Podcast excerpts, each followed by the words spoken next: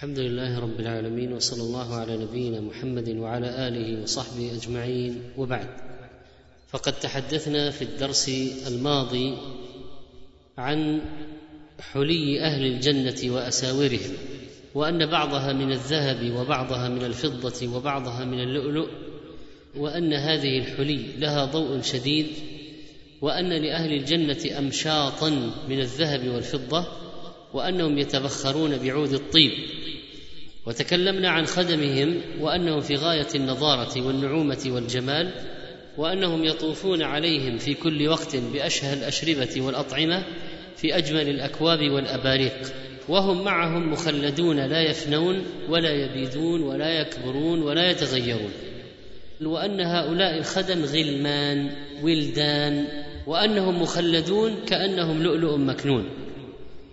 وقد اختلف في هؤلاء الولدان. هل هم من ولدان الدنيا أم من ولدان الآخرة؟ أو أن الله أنشأهم في الجنة كما أنشأ الحور العين؟ وهذا ما ذهب إليه شيخ الإسلام رحمه الله وتلميذه ابن القيم أن هؤلاء الولدان ليسوا من أهل الدنيا وأن الله خلقهم خصيصا لأهل الجنة كما خلق الحور العين فالحور العين ليسوا من نساء الدنيا وكذلك الولدان المخلدون. تحدثنا عن صفات أهل الجنة الخلقية والخلقية وأنهم على صورة آدم عليه السلام وأنهم جرد مرد مكحلون وأنهم جميعا في سن الثالثة والثلاثين وأنهم لا يبأسون ولا تبلى ثيابهم ولا يفنى شبابهم ولا يهرمون ولا يسقمون ولا ينامون ولا يموتون. وأن الجنة ما فيها نوم لأن النوم فيه انقطاع عن النعيم ولا يتعب أهل الجنة حتى يحتاجوا إلى نوم وراحة.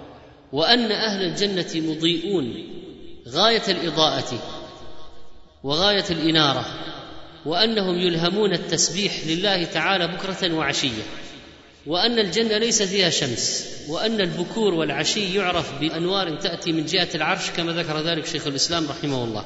عرفنا أن أهل الجنة لا يبصقون ولا يتمخطون ولا يبولون وأن الواحد منهم يعطى قوة مئة رجل في الأكل والشرب والجماع وأن أجسام أهل الجنة تتناسب مع نعيم أهل الجنة وملذات أهل الجنة وأن هناك توافق بين رغبات الإنسان في الجنة النفسية وبين ما يحصل له في الجنة من غير ما يحتاج إلى عناء أو تعب في حصول ما يريد. فإذا اشتهى الطير خر بين يديه مشويا وإذا اشتهى الثمر فإن القطوف دانية.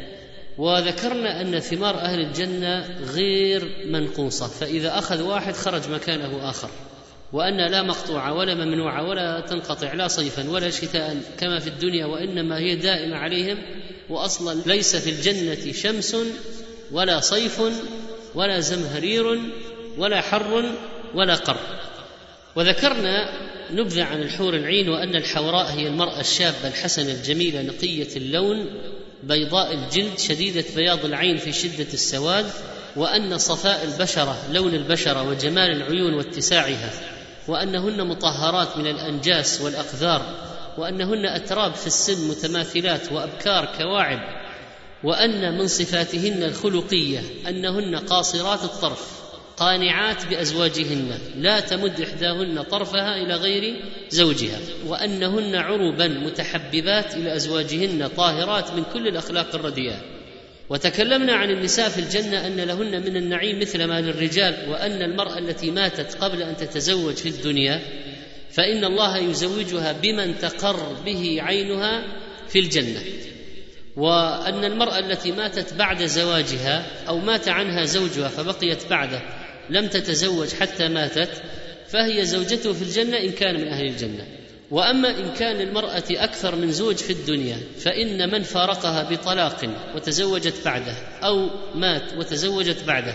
فإن هذه المسألة العلماء فيها اقوال منهم من قال هي مع أحسنهم خلقا ومنهم من قال تخير بين أزواجها. ولكن الأدلة على هذين القولين فيها ضعف. وأقوى الأقوال الثالث أنها تكون لآخرهم في الدنيا. ولذلك زوجات النبي عليه الصلاة والسلام ممنوع أن يتزوجن بعده لأن المرأة لآخر أزواجها في الدنيا. فلذلك هن الزوجات في الجنة فلم يتزوجن بعده. ولذلك رفضت أم الدرداء أن تتزوج معاوية وعدد من الصالحات كذلك. وعلى اية حال ليس معنى هذا أن المرأة لا تتزوج بعد زوجها في الدنيا بل تتزوج وإن الله احل لها ذلك. ولكن كمسألة علمية المرأة لآخر أزواجها على الراجح وتكلمنا بأن نساء الجنة من أهل الدنيا أفضل من الحور العين بصلاتها وصيامها وجهادها لنفسها وأنها قد تعبت في طاعة الله ولذلك فأجرها أكبر من التي لم تعصي أصلا. وليس عندها شهوة أو ليس عندها شهوة تغالبها أو تكابدها وأن العبادات التي في الدنيا اختيارية فلما سلكت طريق الطاعة باختيارها فأجرها أعظم من الحور العين في الجنة. ومن تتمة الكلام على نعيم الجنة ماذا يحدث للذرية ذرية المؤمن في الجنة.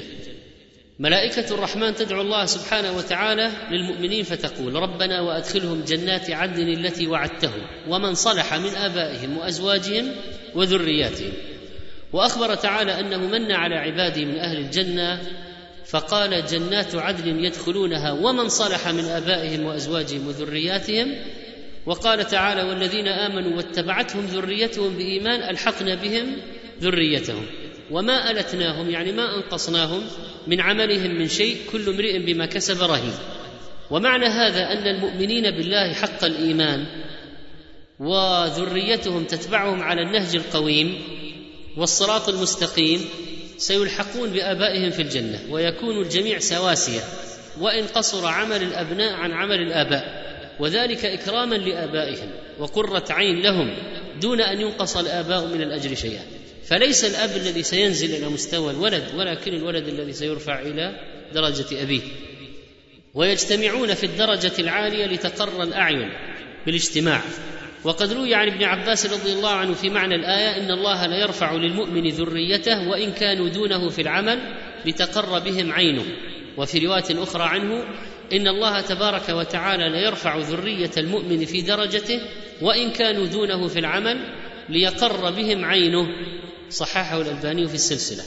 وقال ابن مسعود رضي الله عنه في هذه الآية الرجل يكون له القدم يعني قدم الصدق وقدم السبق. في الإسلام والجهاد والعلم والهجرة أو الصحبة. ويكون له الذرية فيدخل الجنة فيرفعون إليه لتقر بهم عينه وإن لم يبلغوا ذلك. لكن اختلف المفسرون ما المقصود بالذرية؟ هل يدخل فيهم البالغون الكبار أم الذرية هم الصغار؟ لأن الكبار لهم أعمالهم الخاصة بهم. الذرية الصغار الذين لا أحكام ثواب وعقاب عليهم. قال بعض العلماء الكبار يدخلون. شاركوا آباءهم في أصل الإيمان وإن تقاصر عملهم عن بلوغ منزلة آبائهم. وقال بعض العلماء المراد بالذرية هنا الصغار لأن الكبار لهم أعمالهم الخاصة ولهم حكم أنفسهم في الثواب والعقاب ولا يتبعون الآباء في شيء من أحكام الدنيا ولا أحكام الثواب والعقاب. لاستقلالهم بأنفسهم. يعني لو الآن في واحد كافر له ولد مؤمن الولد هذا بلغ وهو مؤمن وعمل على الإسلام حتى في الدنيا حكم حكم نفسه وليس حكم حكم أبيه. لكن أبناء وبنات المشركين الصغار يلحقون بأحكام آبائهم في الدنيا. فلو مات مثلا ولد كافر صغير هل يدفن في مقبرة المسلمين ولا في مقبرة الكفار؟ يلحقون بآبائهم في الدنيا فالكبار لا يلحقون بآبائهم حتى في أحكام الدنيا الكبار. ولذلك قال بعض العلماء إن المقصود بالذرية الصغار لأن الكبار لهم حكم أنفسهم في الثواب والعقاب والكبار لا يتبعون آباءهم في شيء من أحكام الدنيا ولا في أحكام الثواب والعقاب لاستقلال بأنفسهم. والقول بأن الذرية هو المقصودون هذا هو الأرجح لأن أولاد الصحابة البالغون كلهم في درجة آبائهم وأولاد التابعين البالغون كلهم في درجة آبائهم وهلم جر إلى يوم القيامة فهذا يؤدي إلى إلحاق كل الآخرين بالأولين. قال ابن القيم رحمه الله واختصاص الذرية هنا بالصغار أظهر لئلا يلزم استواء المتأخرين بالسابقين في الدرجات ولا يلزم مثل هذا في الصغار فإن أطفال كل رجل وذريته معه في درجته والله أعلم. لكن ماذا بالنسبة لأطفال المسلمين والمشركين؟ إذا كان أطفال من دخل الجنة من المؤمنين يلحقون به في الجنة فما مصير باقي أطفال الناس من المسلمين والمشركين؟ أما أطفال المسلمين الذين يموتون وهم صغار فقول العلماء إنهم في الجنة. بل نقل الإمام النووي رحمه الله إجماع من يعتد به من علماء المسلمين على أن من مات من أطفال المسلمين في الجنة لأنه يولد على الفطرة في دار الإسلام ومن أبوين مسلمين فسوف يموت عليه. ومن مات وهو دون سن التكليف لا يكلف الله نفسا إلا وسعها لا يحاسبه الله عز وجل وهو دون سن التكليف. فالآن كلامنا على الأطفال الذين يموتون وهم صغار ما هو مصيرهم؟ في عندنا أطفال للمسلمين وأطفال للمشركين في أطفال المشركين ماتوا في القصف. أطفال مشركين. ماتوا في انهيارات في قصف في زلازل مثلا. واهلهم مشركون يشركون بالله قبور أضرحة يشركون أصنام أوثان أنداد من المشركين. ما حال هؤلاء الأطفال؟ البحث هنا. فهؤلاء إما أن يكونوا أطفال آباؤهم من المسلمين موحدين أو يكون آباؤهم من المشركين. إما أن يكونوا هؤلاء أطفال مسلمين أو أطفال ناس من المشركين. أما أطفال المسلمين فقلنا إن المسألة فيهم واضحة أنهم في الجنة لأن أباه مسلم أمه مسلمة آه هو مات قبل سن البلوغ ولا يكلف الله نفسا إلا وسعها. اذا هذا مصيره في الجنة. وأما حديث عائشة الله أعلم بما كانوا عاملين إن الله قد خلق الجنة وخلق لها أهلا ولها يعملون وخلق النار وخلق لها أهلا ولها يعملون. فالجواب عنه أن النبي عليه الصلاة والسلام لم يعترض على عائشة في أنها قالت إن أطفال المسلمين في الجنة ولكن اعترض على الإطلاق العام والتعيين. فهذا الإطلاق يفهم منه أن كل معين يموت من أطفال المسلمين يقال في الجنة بصيغة الجزم والصحيح لا وإنما يقال أطفال المسلمين في الجنة في الجملة. كالشهداء نقول في الجنة في الجملة لكن ما تذهب أنت إلى قتيل تقول هذا آه هذا شهيد في الجنة ما تعين. وإنما تقول بالعموم إن الشهداء في الجنة. هذا شهيد أو لا هذا شيء ما ندري على أي شيء مات وما هو الباعث له على القتال وهل كان حب الله ورسوله والشهادة في سبيله؟ أو كان قتال ليقال فلان جريء فلان شجاع قاتل للغنائم قاتل مكرها قاتل دفاعا عن عصبية عن قومه؟ ما ندري عنه. لكن نقول عموما الشهداء في الجنة لكن ما نأتي إلى فلان نقول هذا شهيد في الجنة إلى جنات النعيم. انتقل إلى رحمة الله تعالى. ما تدري يمكن انتقل إلى غضب الله تعالى يمكن انتقل إلى عذابه. ولذلك ما تجزم ولا تقول يا أيتها النفس المطمئنة ما أدراك أن نفسه مطمئنة وأنها سترجع راضيه مرضية. يمكن ترجع مسقوط عليها. ما تعين لا نعين المصير إلى الله. نحن في الدنيا لنا أحكام الظاهر. واحد مات في المعركة من المسلمين. ندفن بثيابه وما تجب الصلاة عليه. هذا نعامله معاملة الشهيد في الدنيا. أما تقول هذا في الجنة هذا الآن روحه في حواصل طير الخضر تسرح في هذا لا نستطيعه ولا يجوز لنا. الله أعلم وكذلك الذي لم يمت في المعركة بين مسلمين الكفار هذا مات بمرض. نغسله ونكفنه ونصلي عليه. أحكام المسلم في الدنيا. أحكام شهيد المعركة أحكام الميت في غير المعركة. يعطى كل واحد حكمه. الكافر لا نغسله ولا نصلي عليه بل نواريه في التراب. جاء علي بن أبي طالب إلى النبي عليه الصلاة والسلام. قال يا رسول الله إن عمك الشيخ الضال قد مات. إيش يسوي الآن؟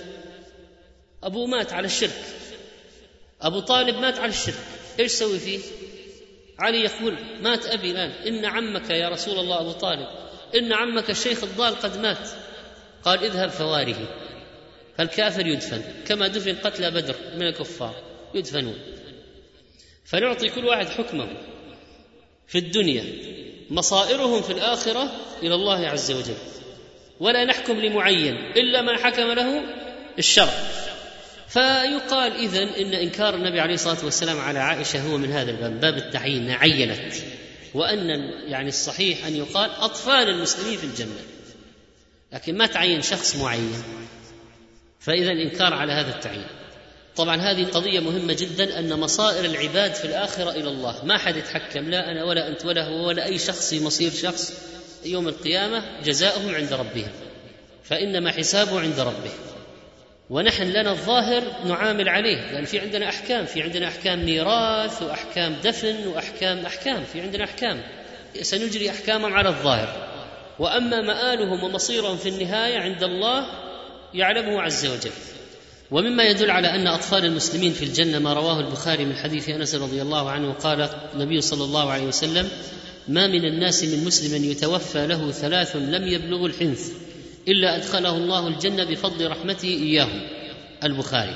فمن يكون سببا في حجب النار عن أبويه أولى بأن يحجب هو عن النار أيضا لأنه أصل الرحمة وسببها.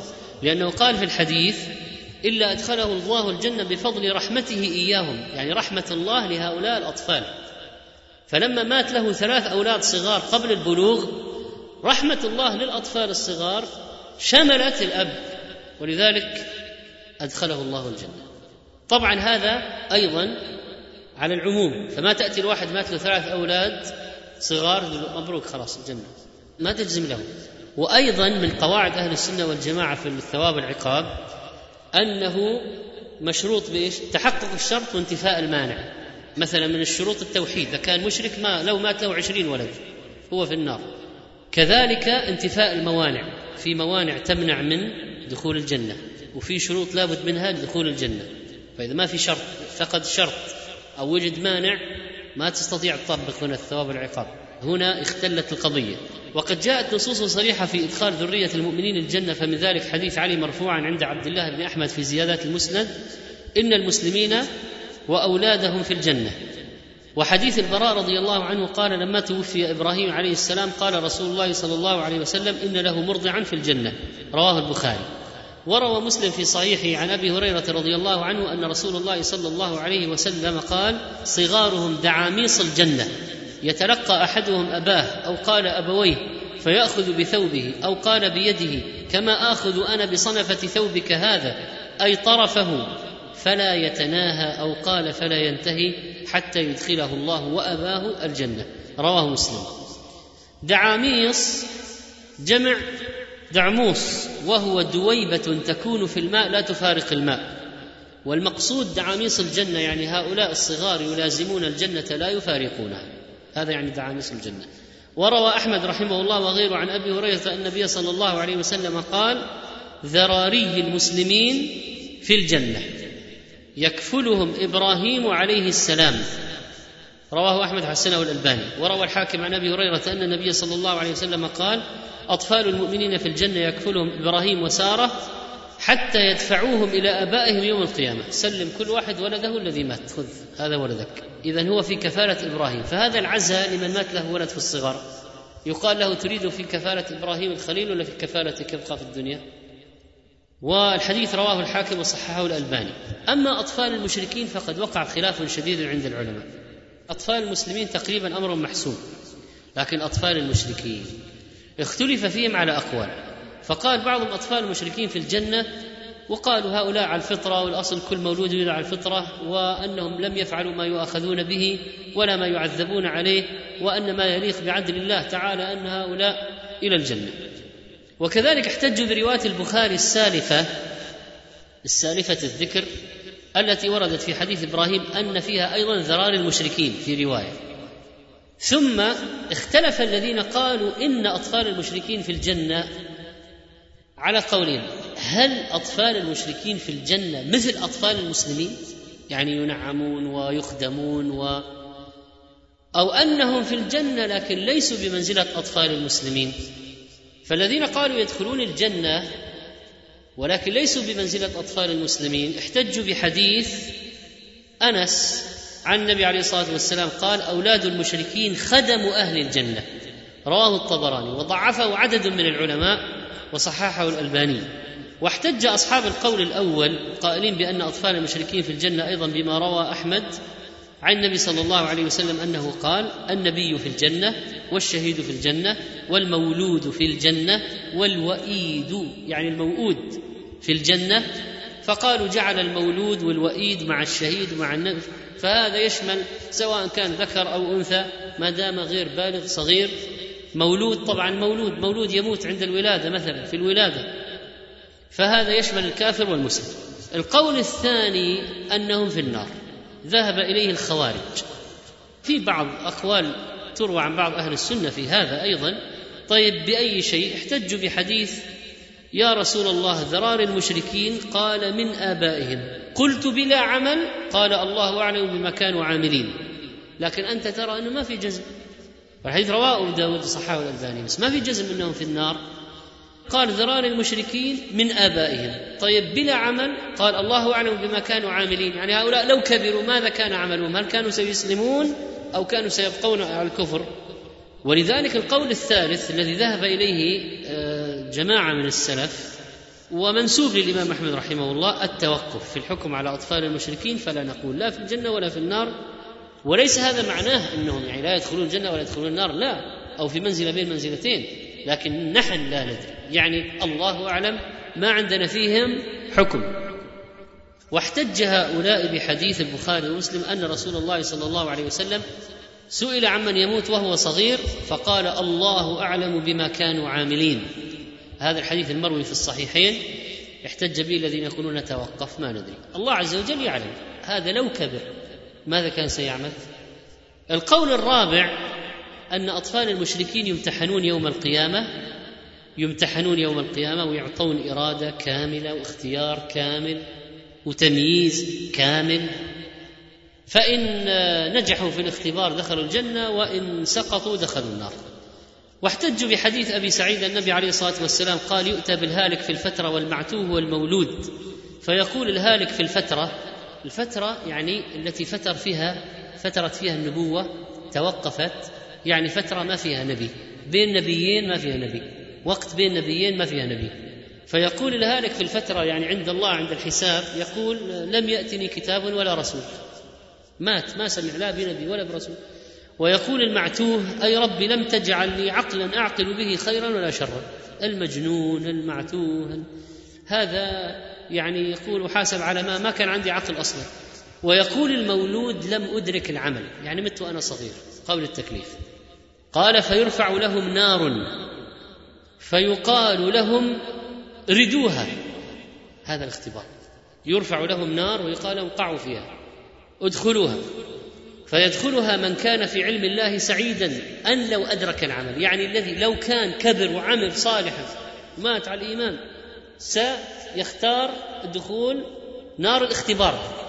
والذي جرى في علم الله أنه لو كان كبر كان عمل شرا مات على الكفر فسيختار الامتناع وعدم العصيان ولن يدخل تلك النار نار الاختبار. قال ويمسك عنها من كان في علم الله شقيا أن لو أدرك العمل. فيقول تبارك وتعالى ويمسك عنها من كان في علم الله شقيا أن لو أدرك العمل. فيقول تبارك وتعالى إياي عصيتم فكيف برسلي بالغيب؟ رواه البزار وصححه الألباني في سلسلته. يعني الآن أنا عصيتموني وقد أمرتكم مباشرة. كيف لو أرسلت لكم رسول واسطة؟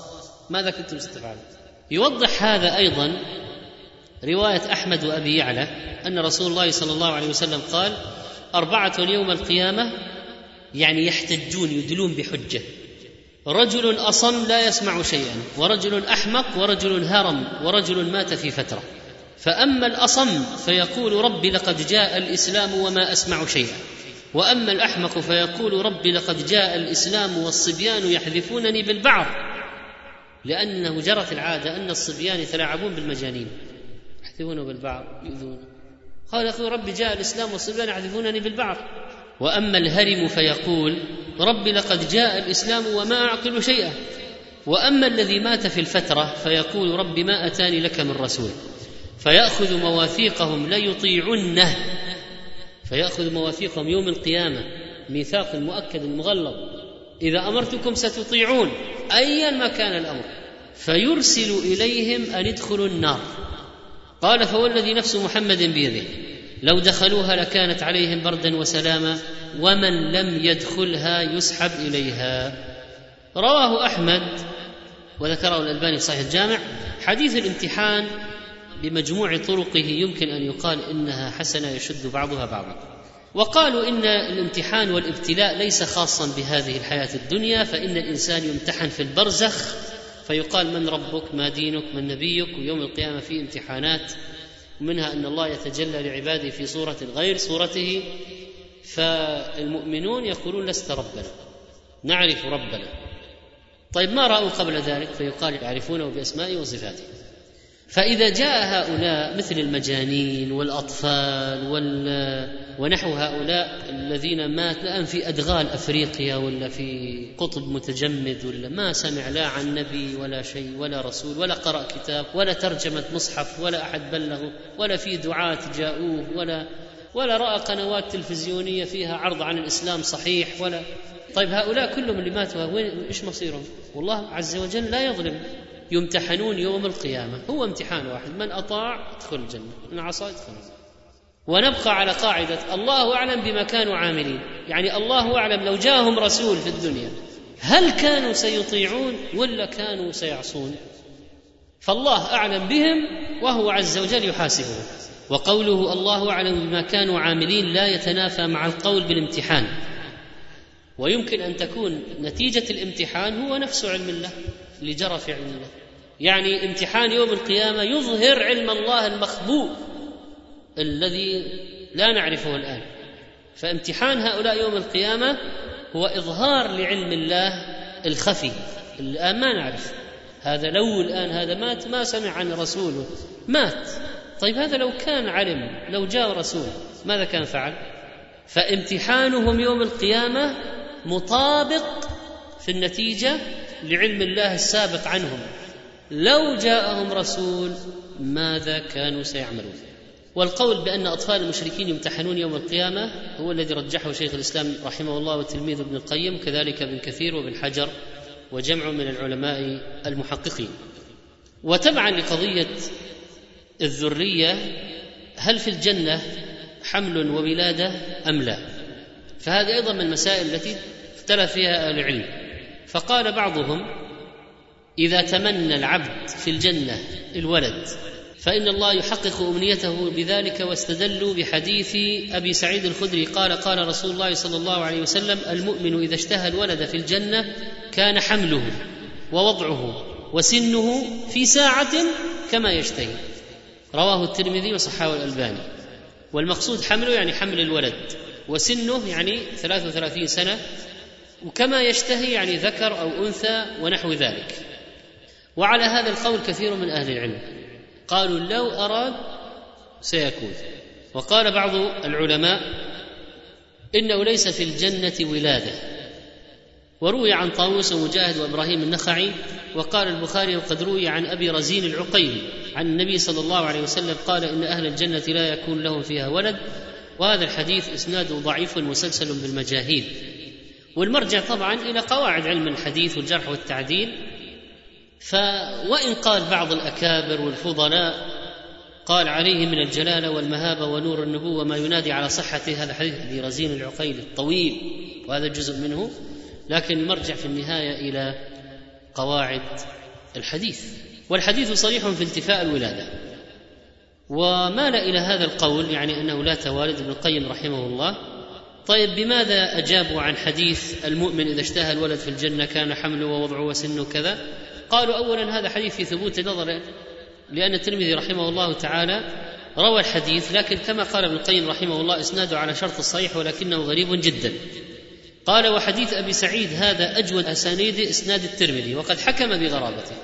يعني أن الترمذي أشار إلى غرابة الحديث وأنه لا يعرف إلا من حديث أبي الصديق الناجي وقد اضطرب لفظه فتارة يروى عنه إذا اشتهى الولد وتارة أنه لا يشتهي الولد وتارة أن الرجل من أهل الجنة لا يولد له فالله أعلم. وقال إسحاق بن راهويه في حديث النبي صلى الله عليه وسلم إذا اشتهى المؤمن الولد في الجنة كان في ساعة واحدة كما يشتهي ولكن لا يشتهي. فإذا الذين قالوا إن الجنة ما فيها توالد بماذا أجابوا عن حديث الترمذي؟ إما بتضعيفه وإما بأن حملوه على إيش؟ قالوا إذا لو اشتهى سيكون حمله سنه وضعه سنه كذا وصفاته في ساعة واحدة. لكن لو اشتهى. هذا لو اشتهى لكن لا يشتهي. بهذا أجاب.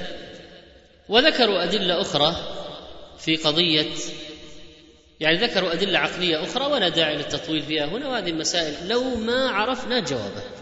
لو جاء واحد قال هل في الجنة في توالد هل ممكن واحد يولد له ولد؟ هل كذا؟ أفرض ما عرفنا جوابه. هل يضرنا ذلك؟ لا ما يضرنا ذلك. والمسائل إذا ما كان فيها أدلة واضحة فالمنهج السكوت عنه. خلاص الله أعلم. نرد العلم إلى الله. لكن يبقى بعض الناس يتساءلون تخطر خواطر في النفس. في كذا في كذا. ولذلك لعلنا نمر بنقاط الموضوع. تعامل مع أسئلة الأطفال عن الجنة. يقول لك الجنة فيها ايس كريم الجنة فيها كذا الجنة فيها كذا. إيش تقول؟ ما هو موقفك فسنأتي على هذا إن شاء الله. لكن جوابه وين؟ جواب مثل هذه المسألة تحديدا في قضية تحقيق أمنيات أهل الجنة في الجنة. يتمنى بعض أهل الجنة أماني تتحقق على نحو عجيب لا تشبه حال ما يحدث في الدنيا. وقد حدثنا النبي صلى الله عليه وسلم عن ذلك.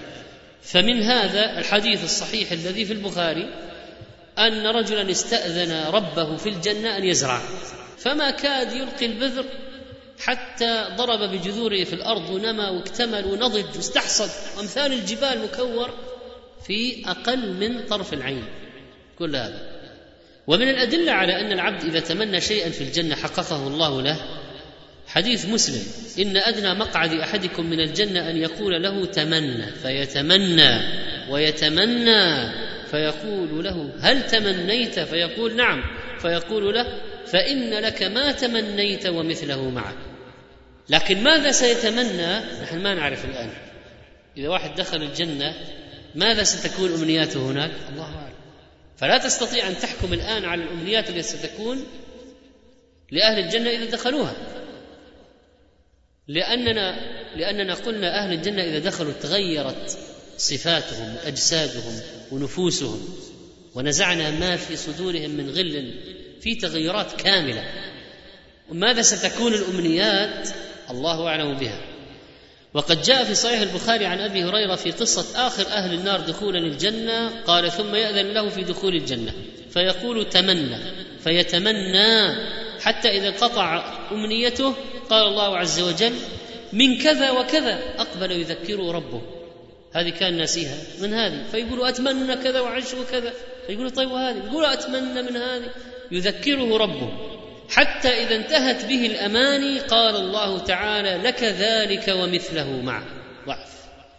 قال أبو سعيد الخدري لأبي هريرة رضي الله عنهما إن رسول الله صلى الله عليه وسلم قال قال الله لك ذلك وعشرة امثاله قال أبو هريرة لم أحفظ من رسول الله صلى الله عليه وسلم إلا قوله لك ذلك ومثله معه. قال أبو سعيد إني سمعته يقول ذلك لك وعشرة امثاله من نعيم أهل الجنة التسبيح والتكبير وحيث أن الجنة دار جزاء وإنعام وليست دار تكليف واختبار فإن التسبيح فيها ما في تعب. لأن الإنسان الآن في الدنيا لو قيل له سبح ألف مرة بعد مدة يتعب يتوقف من التعب. قال علي بن أبي طالب ارتحلت الدنيا مدبرة وارتحلت الآخرة مقبلة ولكل واحدة منها بنون فكونوا من أبناء الآخرة ولا تكونوا من أبناء الدنيا فإن اليوم عمل ولا حساب وغدا حساب ولا عمل. ذكره البخاري في صحيحه رحمه الله باب في الأمل وطوله. طيب ورد في صفة أهل الجنة في البخاري حديث البخاري يسبحون الله بكرة وعشية. فهل هذا من باب التكليف؟ الجواب كلا بل هو من باب النعيم. فإذا كان أعظم النعيم في الجنة رؤية الله تعالى واللي بعده رضوان الله الذي يحل عليهم والذي بعده بقية نعيم الجنة.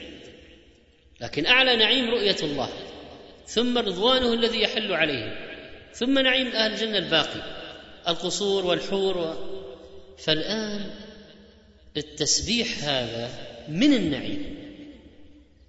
ولذلك بين لنا أنه لا تعب فيه. فقال النبي عليه الصلاة والسلام في حديث جابر الذي رواه مسلم في صحيح يلهمون التسبيح والتحميد كما تلهمون النفس.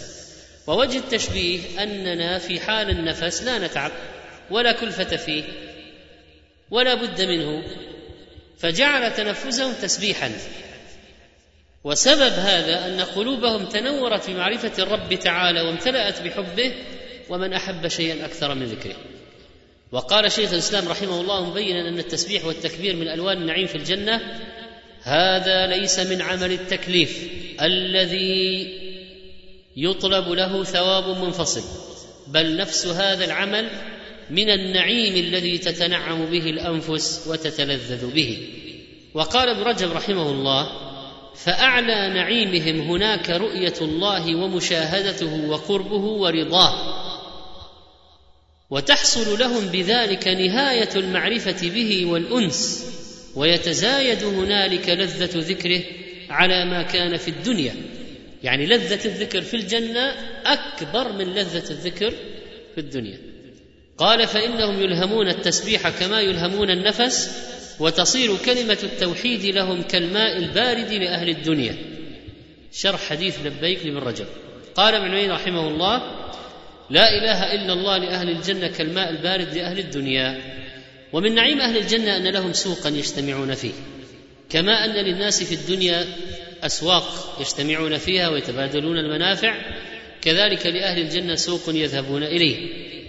ولكن أسواق الدنيا غالبا ما يكون فيها جلبه وصياح وضوضاء ومشاحنات ومشاجرات وبيع على بيع اخيه سوم على سوم اخيه شراء على شراء اخيه وسباب وشتم وزعيق وصخب وسخب سخاب بالأسواق. لكن نعيم الجنة في هذا السوق يختلف تماما.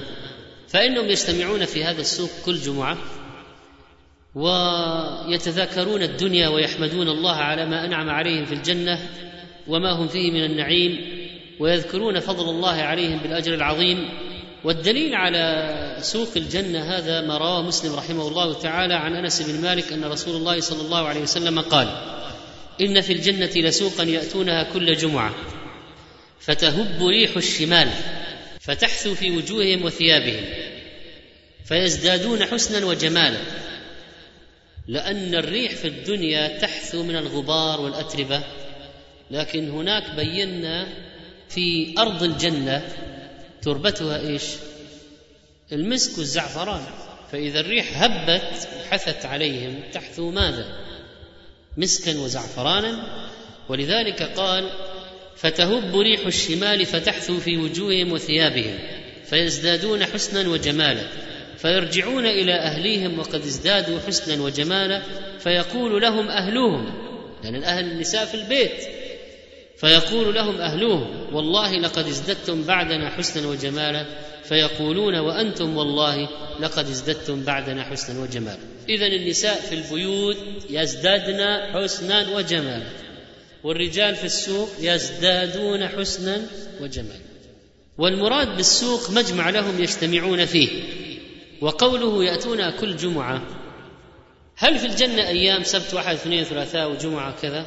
فقال بعض العلماء بما أن ما فيها شمس فما فيها أيام. ما فيها ليل ونهار مثل الدنيا فما فيها أيام. طيب إذا ما معنى كل جمعة؟ يعني قالوا في الزمن. يعني مدة الأسبوع. كل جمعة يعني كل أسبوع. فنحن الآن نسمي الأسبوع في الدنيا نسميه جمعة. نقول جمعة جمعتين ثلاث جمع مثلا. نسمي الأسبوع من باب تسمية الشيء بجزء منه أو ببعضه. أنت تصلي تسمي مثلا تسميها ركعة مع أنه فيها قيام وسجود وقعود. من باب تسمية الشيء بجزء منه أو ببعضه. كذلك تسمية الأسبوع يعني مدة الأسبوع هذا المدة هذه 24 ساعة في سبعة المدة هذه. نحن نطلق الآن على الأسبوع جمعة. أقول مرة جمعة مرة جمعتين. وكذلك ممكن يطلق عليها سبت يعني على الأسبوع. ولذلك ورد في حديث المطر في المدينة على عهد النبي عليه الصلاة والسلام. فلم نرى الشمس سبتا. لم نرى الشمس سبتا يعني أسبوع كامل. مطر غزير غيوم تحجب الشمس. طيب فالآن قوله إذا يأتون كل جمعة يعني كل أسبوع إذا مرت مدة أسبوع يجتمعون. كل أسبوع في اجتماع. سوق الجنة.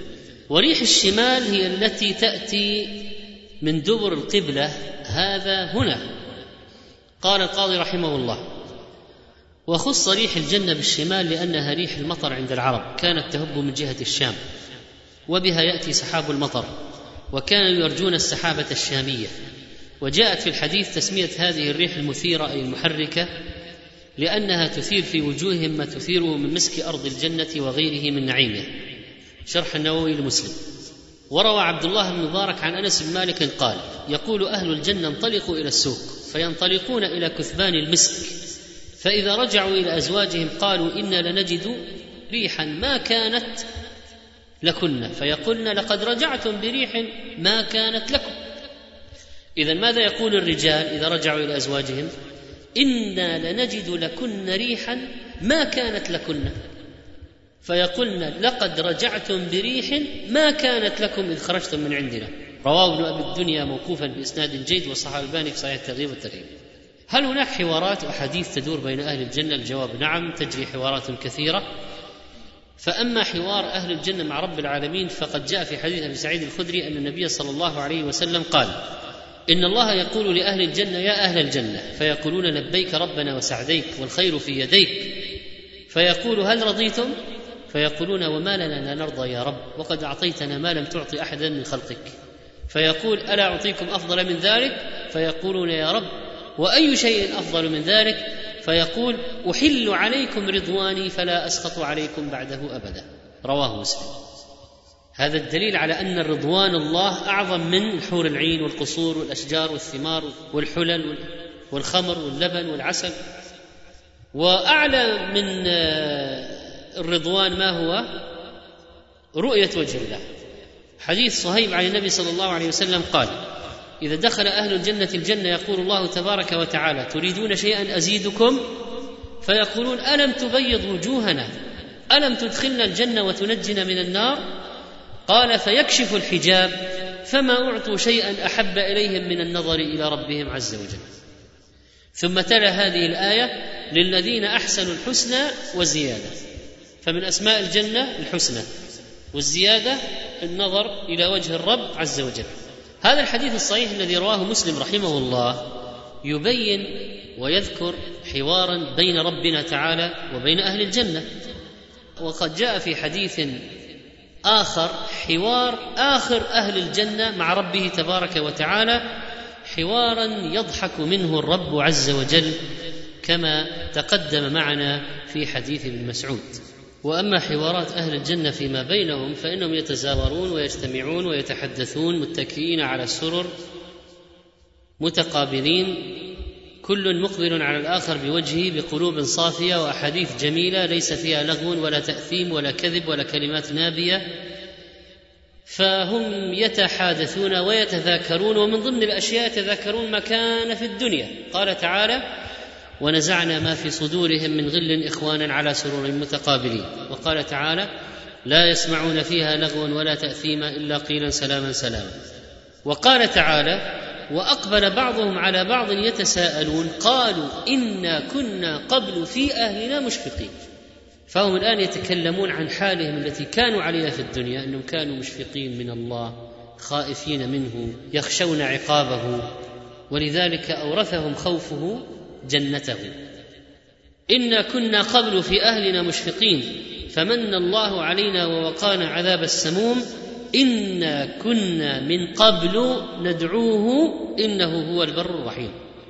يتذكر بعض أهل الجنه في الجنه انه كان له صاحب قرين سوء. يزين له الكفر في الدنيا ويدعوه إلى باب من ابواب النار. فيتذكر هذا فيريد ان يعرف الان اين هو. فيكشف الله له موقع قرين السوء الذي كان يزين له الشر لكن هذا عصاه وما أطاعه وخالفه ودخل الجنة. وذاك استمر على تكذيبه وعناده ودخل النار. فيكشف الله لهذا الشخص من أهل الجنة موقع قرينه في الدنيا الذي كان يزين له الشر وهو في النار. لماذا؟ يرى عذاب يرى في عذاب. لتعظم النعمة في نفسه أنه نجا. والآن هو يراه الآن في عذاب. ولو أنه اطاعه لصار مثله. قال تعالى فأقبل بعضهم على بعض يتساءلون. قال قائل منهم إني كان لي قرين. يقول أئنك لمن المصدقين؟ أإذا متنا وكنا ترابا وعظاما أئنا لمدينون؟ يعني محاسبون. خلاص إذا بليت العظام انتهت. كما قال أحد الآباء الملاحدة لولده قال يا ولدي ما في داعي تتعب نفسك. يرى ولده على عبادة وطاعة وخير. قال ما في داعي تتعب نفسك. قال خايف ما يطلع ما في شيء. هذه كلمة تنبئ عن التكذيب لأن مجرد الشك في يوم البعث كفر. أخاف يطلع ما في شيء. قال إني كان لي قرين يقول أئنك لمن المصدقين أإذا متنا وكنا ترابا وعظاما أئنا لمدينون؟ قال هل أنتم مطلعون؟ فاطلع هذا الصالح في الجنة اطلع. فرآه رأى قرين السوء في سواء الجحيم. قال تالله إن كدت لتردين. يخاطبه. تالله إن كدت لتردين. ولولا نعمة ربي لكنت من المحضرين. أفما نحن بميتين إلا موتتنا الأولى وما نحن بمعذبين؟ إن هذا لهو الفوز العظيم لمثل هذا فليعمل العاملون. إذا بين تعالى أن أهل الجنة يجتمعون وأنهم يتحدثون ويتجاذبون الكلام أطراف الحديث وأن أحدهم يتذكر صاحبا له كان يأمر بالمعاصي وينكر البعث. فينادي مناد هل تريد أن تعرف حال صاحبك؟ فيكشف له عن مكانه فيراه وقد استقر في قلب الجحيم فاطلع فرآه في سواء الجحيم وسط جهنم.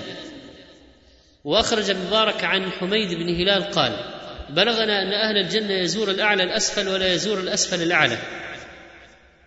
و سنده صحيح إلى حميد بن هلال.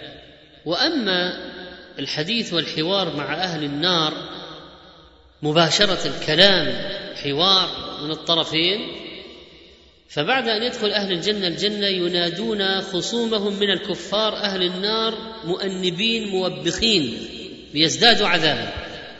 ونادى أصحاب الجنة أصحاب النار أن قد وجدنا ما وعدنا ربنا حقا فهل وجدتم ما وعد ربكم حقا؟ فإذا في كلام مباشر سيصدر من أهل الجنة إلى أهل النار الذين كانوا يعرفونهم في الدنيا. يعني مثلا أبو بكر كان يدعو أبا جهل مثلا وهذا في الجنة وهذا أصر مات على الكفر في النار. أبو بكر كان يقول لأبي جهل مثلا خف الله ويوم البعث يوم القيامة كذا والجنة وكذا كان يكذب ويصر على التكذيب. وهذا يقول الله وعدنا الجنة وعد الذين يكذبون النار. هذا يقول ما في شيء. أيستطيع ربك أن يبعث هذا؟ يأخذ عظم يفته. يستطيع ربك أن يبعث هذا؟ ينكر. فيوم القيامة سيناديه من الجنة في مكانه وذاك في النار في مكانه. أن قد وجدنا ما وعدنا ربنا حقا فهل وجدتم ما وعد ربكم حقا؟ قالوا نعم. فأذن مؤذن بينهم اللعنة الله على الظالمين. لقد كان الكفار في الدنيا يخاصمون المؤمنين ويسخرون منهم ويستهزئون بهم فإذا جاء يوم القيامة انقلبت الأحوال إذا دخلوا الجنة وهؤلاء دخل هؤلاء النار. نظر المؤمنون إلى المجرمين فضحكوا منهم وسخروا بهم. إن الذين أجرموا كانوا من الذين آمنوا يضحكون وإذا مروا بهم يتغامزون في الدنيا وإذا انقلبوا إلى أهلهم الكفار انقلبوا فكهين. وإذا رأوهم رأى الكفار المؤمنين في الدنيا قالوا إن هؤلاء لضالون. وما أرسلوا عليهم حافظين فاليوم الذين آمنوا من الكفار يضحكون لكن الضحك أين؟ على الأرائك. ينظرون ينظرون إلى وجه الله. وينظرون ماذا فعل الله بأعدائهم. هل ثوب الكفار ما كانوا يفعلون؟ نعم لقد جوزي الكفار بعملهم وانتقم الله منهم. الجنة درجات. وهي منازل ومراتب. وهذا موضوع آخر مما في الجنة. وكما أن من مقتضى عدل الله أن لا يسوي بين المسلم والكافر والبر والفاجر فكذلك يفاوت سبحانه بين المؤمنين وبين الكفار. بين المؤمنين في الجنة الجنة درجات وبين الكفار في النار والنار دركات. لأن المؤمنين قد تفاوتوا في أعمالهم وطاعاتهم فتفاوت جزاؤهم وحسابهم بناء على ذلك. ولهذا جعل الله لكل درجات مما عملوا وجعل بينهم من الفروق ما لا يعلمها إلا هو مع أنهم كلهم قد رضوا بما آتاهم في الجنة. يعني أدنى واحد في الجنة أدنى واحد أدنى واحد يكون قانع جدا ومسرور وراضي بما أعطاه الله. وما عنده في نفسه أي حسرة. فيقول فلان عنده أكثر مما عندي وأنا ما في هذا ابدا ابدا. لأن هذا لو كان موجودا لكان من أنواع العذاب النفسي والجنة ما في عذاب. فالذي اجتهد أكثر وجاهد أكثر وتعلم أكثر وعلم أكثر وصلى أكثر وصام أكثر وذكر أكثر وتلا أكثر هذا لابد أن يكون ثوابه أكثر فوق. قال سبحانه وتعالى انظر كيف فضلنا بعضهم على بعض في الدنيا. مراتب. هذا رقيب هذا عقيد هذا موظف هذا تاجر كبير هذا رجل أعمال صغير هذا موظف كبير هذا موظف صغير. الدنيا مراتب. انظر كيف فضلنا بعضهم على بعض. ويقسم الله الرزق كيف يشاء. قال مذكرا عبادة وللآخرة أكبر درجات وأكبر تفضيلا. فكما فضلنا بعضهم على بعض في الدنيا فإنه في الآخرة سيفضل بعضهم على بعض بتفاضل أكبر وتكون لكل درجات أكبر كل بحسب عمله كما قال عز وجل ومن يأته مؤمنا قد عمل الصالحات فأولئك لهم الدرجات العلى. فينزل المؤمنون في الجنة بحسب أعمالهم. كم عدد درجات الجنة؟ ورد في بعض الأحاديث أن في الجنة مئة درجة كما قال عليه الصلاة والسلام إن في الجنة مئة درجة. ولكن هل هذه كل درجات الجنة؟ هي في مئة يوجد مئة في مئة درجة في الجنة. لكن هل هي مئة فقط؟ قال القرطبي رحمه الله ولا يظن من هذا أن درجات الجنة محصورة بهذا العدد بل هي أكثر من ذلك. ولا يعلم حصرها وعددها إلا الله تعالى. ألا ترى أنه قال في الحديث الآخر يقال لصاحب القرآن اقرأ وارتقي ورتل كما كنت ترتل في الدنيا. فإن منزلتك عند آخر آية تقرأها؟ والقرآن طبعا 6236 آية. وهذا كان يقرأ كم مرة قرأه؟ وفي واحد يحفظ مئة واحد يحفظ ألف آية واحد يحفظ القرآن كله. فهذا يدل على أن في الجنة درجات على عدد آية القرآن. وهي زيادة على ستة آلاف آية كما قلنا. فإذا اجتمعت للإنسان فضيلة الجهاد مع فضيلة القرآن جمعت له تلك الدرجات كلها. جمعت له تلك الدرجات كلها وهكذا كلما زادت أعماله زادت درجاته. الديباج على صحيح مسلم للحجاج. وقيل إن درجاتها الكبار مئة وفي ضمن كل درجة منها درجات صغار كثيرة. المناوي فيض القدير.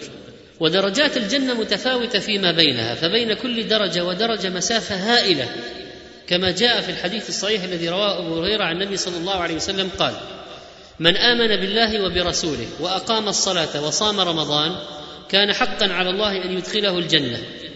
الحديث. ثم قال إن في الجنة مئة درجة أعدها الله للمجاهدين في سبيل الله. ما بين الدرجتين كما بين السماء والأرض كما بين السماء والأرض. فإذا سألتم الله فاسألوه الفردوس فإنه أوسط الجنة وأعلى الجنة. أراه فوقه عرش الرحمن ومنه يعني الفردوس وليس للعرش. ومنه تفجر أنهار الجنة. انهار الجنة كما ورد في الحديث عدة ومنها النيل والفرات وسيحان وجيحان. رواه البخاري. وعن أبي سعيد الخدري أن رسول الله صلى الله عليه وسلم قال يا أبا سعيد من رضي بالله ربا وبالإسلام دينا ومحمد النبي وجبت له الجنة. فعجب لها أبو سعيد فقال أعدها علي يا رسول الله. ففعل. ثم قال وأخرى يرفع بها العبد مائه درجة في الجنة ما بين كل درجتين كما بين السماء والأرض. قال وما هي يا رسول الله؟ قال الجهاد في سبيل الله الجهاد في سبيل الله رواه مسلم. وفي بعض الأحاديث ورد أن بين الدرجتين مئة عام.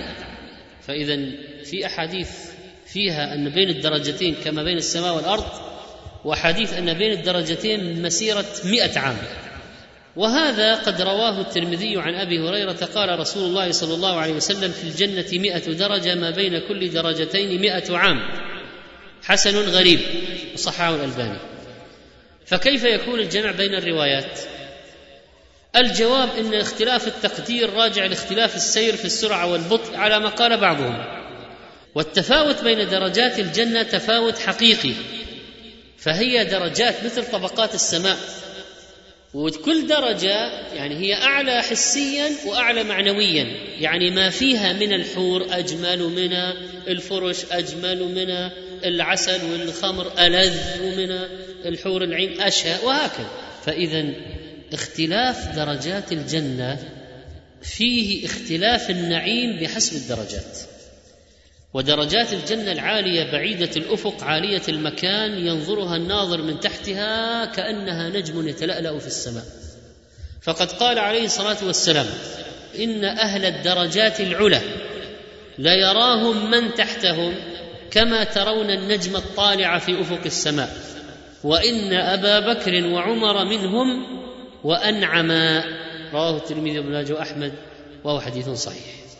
أعلى درجات الجنة الفردوس وفوقه مباشرة عرش الرحمن فليس بين الفردوس وعرش الرحمن شيء كما قال صلى الله عليه وسلم إن في الجنة مائه درجة أعدها الله للمجاهدين في سبيله كل درجتين ما بينهما كما بين السماء والأرض فإذا سألتم الله فسلوه الفردوس.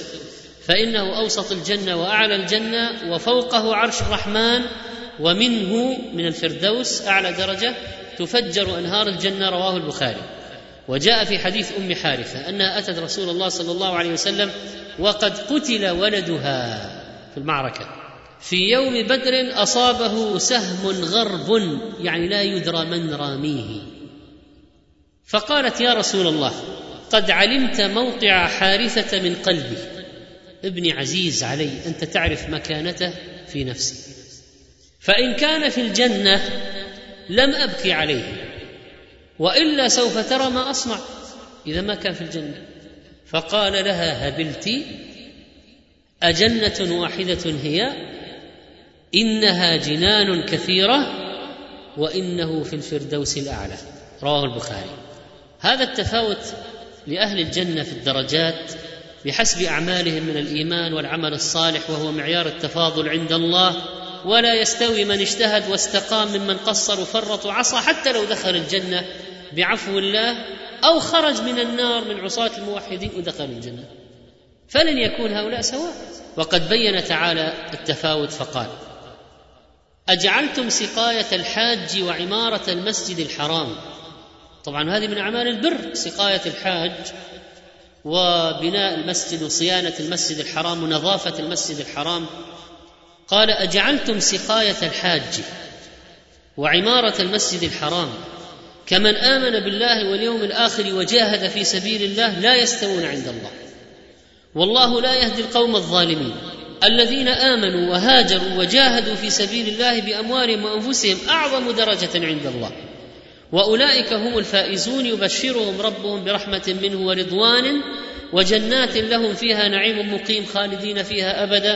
إن الله عنده أجر عظيم. طبعا إذا واحد اشتغل بسقاية الحاج وعمارة المسجد الحرام وهو مشرك ما له شيء ابدا. لكن لو واحد مسلم لكن مشتغل بأعمال خدمة الحجاج. واحد ثاني مشتغل بالجهاد في سبيل الله وأيهما أعظم مشقة واجرا طيب والمهاجر؟ المهاجر الذي هاجر وترك بلده وطنه أهله بيته ماله لله هاجر تغرب لله هاجر. هذا مثل الذي قعد في بلده. حتى لو عمل أعمالا صالحة هذا التفاوت يشير إليه قوله تعالى أيضا لا يستوي القاعدون من المؤمنين غير أولي الضرر والمجاهدون في سبيل الله بأموالهم وأنفسهم. فضل الله المجاهدين بأموالهم وأنفسهم على القاعدين درجة. وكلا وعد الله الحسنى وفضل الله المجاهدين على القاعدين اجرا عظيما. حتى يعني في جهاد النافلة. الجهاد قد يكون واجب قد يكون فرض عين قد يكون فرض كفاية وقد يكون سنة مستحبة. ولذلك ذكروا يعني أن المسلمين وإن كانوا في عزة وقوة ومنع وقاموا دولة الإسلام وأنها أرجاء الأرض قالوا ومع ذلك يبقى مستحب للمسلمين لإمام المسلمين في كل فترة أن يرسل سرايا وبعوث لفضل الجهاد. يعني ولو كان نافلة ولو ما في أعداء هجموا ولو في كل ما أمكن فتحه من بلاد فتح في سبيل وزال الطواغيت الكبار وزالت العوائق وانتشر الإسلام في الأرض. يبقى لو وجد مجال لفضله وأجره ومرتبة الشهادة فيه. فإذا فضل الله المجاهدين على القاعدين أجرا عظيما درجات منه ومغفرة ورحمة وكان الله غفورا رحيما. وهذا التفاوت ليس خاصا آه، يعني بين من جاهد ومن لم يجاهد فقط. الأنبياء والرسل في تفاوت بينهم. قال الله تعالى تلك الرسل فضلنا بعضهم على بعض منهم من كلم الله ورفع بعضهم درجات.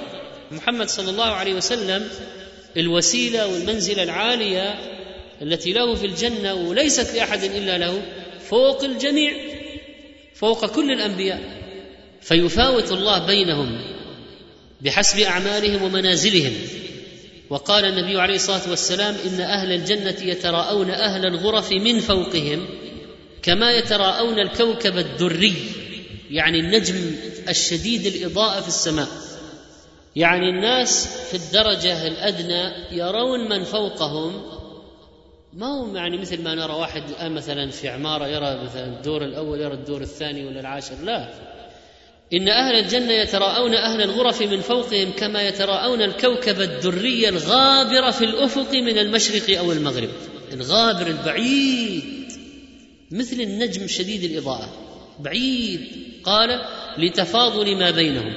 قالوا يا رسول الله تلك منازل الأنبياء لا يبلغها غيرهم. قال بلى والذي نفسي بيده. رجال آمنوا بالله وصدقوا المرسلين. رواه البخاري ومسلم. اذا هذه الدرجات العلى ليست خاصة بالأنبياء. لا فيه والشهداء الصالحين الصديقين والعلماء. وأعلى أهل الجنة منزله هم النبيون بلا خلاف وأعلاهم منزل محمد صلى الله عليه وسلم ثم الصديقون والشهداء والصالحون. ثم يأتي بعدهم الناس في الدرجات. إلى أن يكون أدناهم منزلة أدنى أهل الجنة منزلة من يخرج من النار بعد عذاب على كبائره وصغائره. آخر أهل النار خروجا منها. وآخر أهل الجنة دخولا إليها. قال ابن القيم رحمه الله أعلاهم منزلة سيد ولد آدم صلوات الله وسلامه عليه. قال تعالى تلك الرسل فضلنا بعضهم على بعض. منهم من كلم الله ورفع بعضهم درجات وأتينا عيسى ابن مريم البينات. قال مجاهد وغيره منهم من كلم الله وموسى ورفع بعضهم درجات هو محمد صلى الله عليه وسلم. وفي حديث الإسراء المتفق على صحته أن النبي عليه الصلاة والسلام لما جاوز موسى قال موسى ربي لم أظن أن ترفع علي أحدا. ثم على فوق ذلك بما لا يعلمه إلا الله حتى جاوز سدرة المنتهى عليه الصلاة والسلام. وقال النبي صلى الله عليه وسلم إذا سمعتم المؤذن فقولوا مثل ما يقول ثم صلوا علي فإنه من صلى علي صلاة واحدة صلى الله عليه عشرا ثم سلوا لي الوسيلة فإنها منزلة في الجنة لا تنبغي إلا لعبد من عباد الله وأرجو أن أكون أنا هو. طبعا قال أرجو تواضعا. فمن سأل لي الوسيلة حلت له الشفاعة. وقد جاء في صحيح مسلم بيان أدنى أهل الجنة منزله وجاء الحديث إلينا وفيه رواية لحديث بين موسى وربه. قال محمد صلى الله عليه وسلم سأل موسى ربه ما أدنى أهل الجنة منزله قال هو رجل يجيء بعدما أدخل أهل الجنة الجنة فيقال له ادخل الجنة. فيقول أي رب كيف وقد نزل الناس منازلهم وأخذوا أخذاتهم؟ ما لي مكان اكيدنا مليانه ما في مكان. فيقال له أترضى أن يكون لك مثل ملك ملك من ملوك الدنيا؟ فيقول رضيت ربي. فيقول لك ذلك ومثله ومثله ومثله ومثله. قال في الخامسة رضيت ربي. فيقول هذا لك وعشرة امثاله ولك ما اشتهت نفسك ولذت عينك فيقول رضيت ربي. قال موسى الذي سأل عن أدنى أهل الجنة منزلة رب فأعلاهم منزلة. إذا هذا أدنى واحد إذا ما حال أعلاهم منزلة؟ قال الله لموسى أولئك الذين أردت غرست كرامتهم بيدي وختمت عليها فلم تر عين ولم تسمع أذن ولم يخطر على قلب بشر.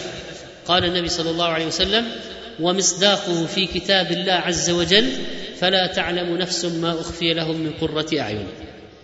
وهذا الحديث قد جاء مبينا في الرجل الذي سبق حديثه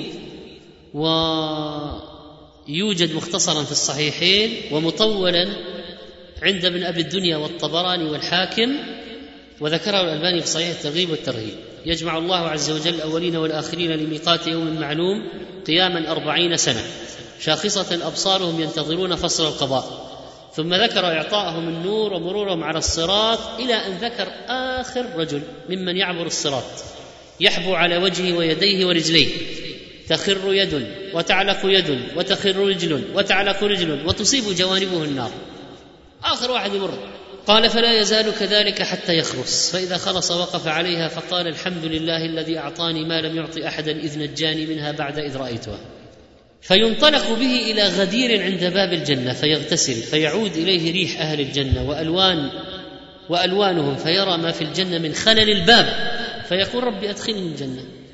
فيقول له أتسأل الجنة وقد نجيتك من النار؟ فيقول رب اجعل بيني وبينها حجابا لا أسمع حسيسة.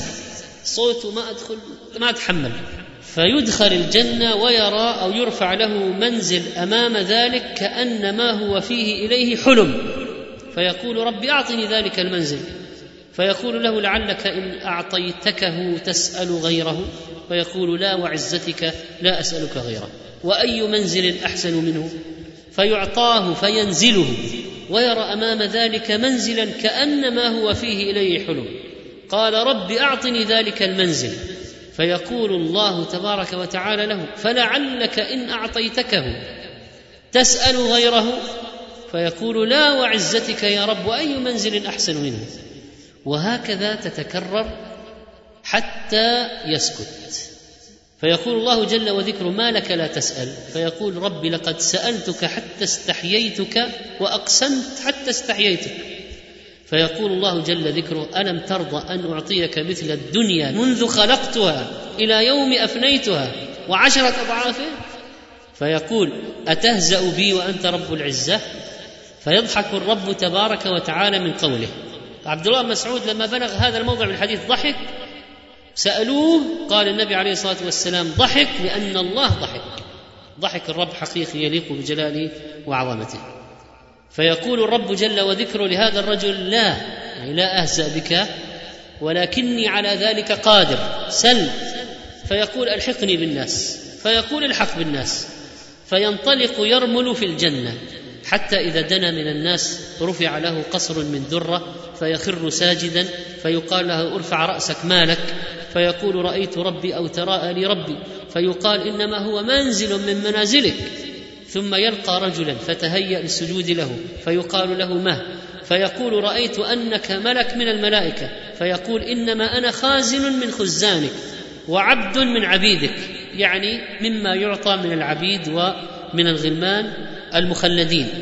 وهكذا آه، إلى آخر الحديث يبين أن هذا الذي دخل الجنة عشرة أمثال نعيم الدنيا من يوم خلق الله إلى أن أفناه. هذا أدنى واحد. سنكمل الموضوع بمشيئة الله تعالى في الدرس القادم ونسأل الله عز وجل أن يجعلنا وإياكم من أهل الجنة وأن يدخلنا الجنة بلا حساب ولا عذاب وأن يجعلنا في الفردوس الأعلى وأن يعافينا من النار ويعتق رقابنا منها إنه سميع مجيب وصلى الله على نبينا محمد.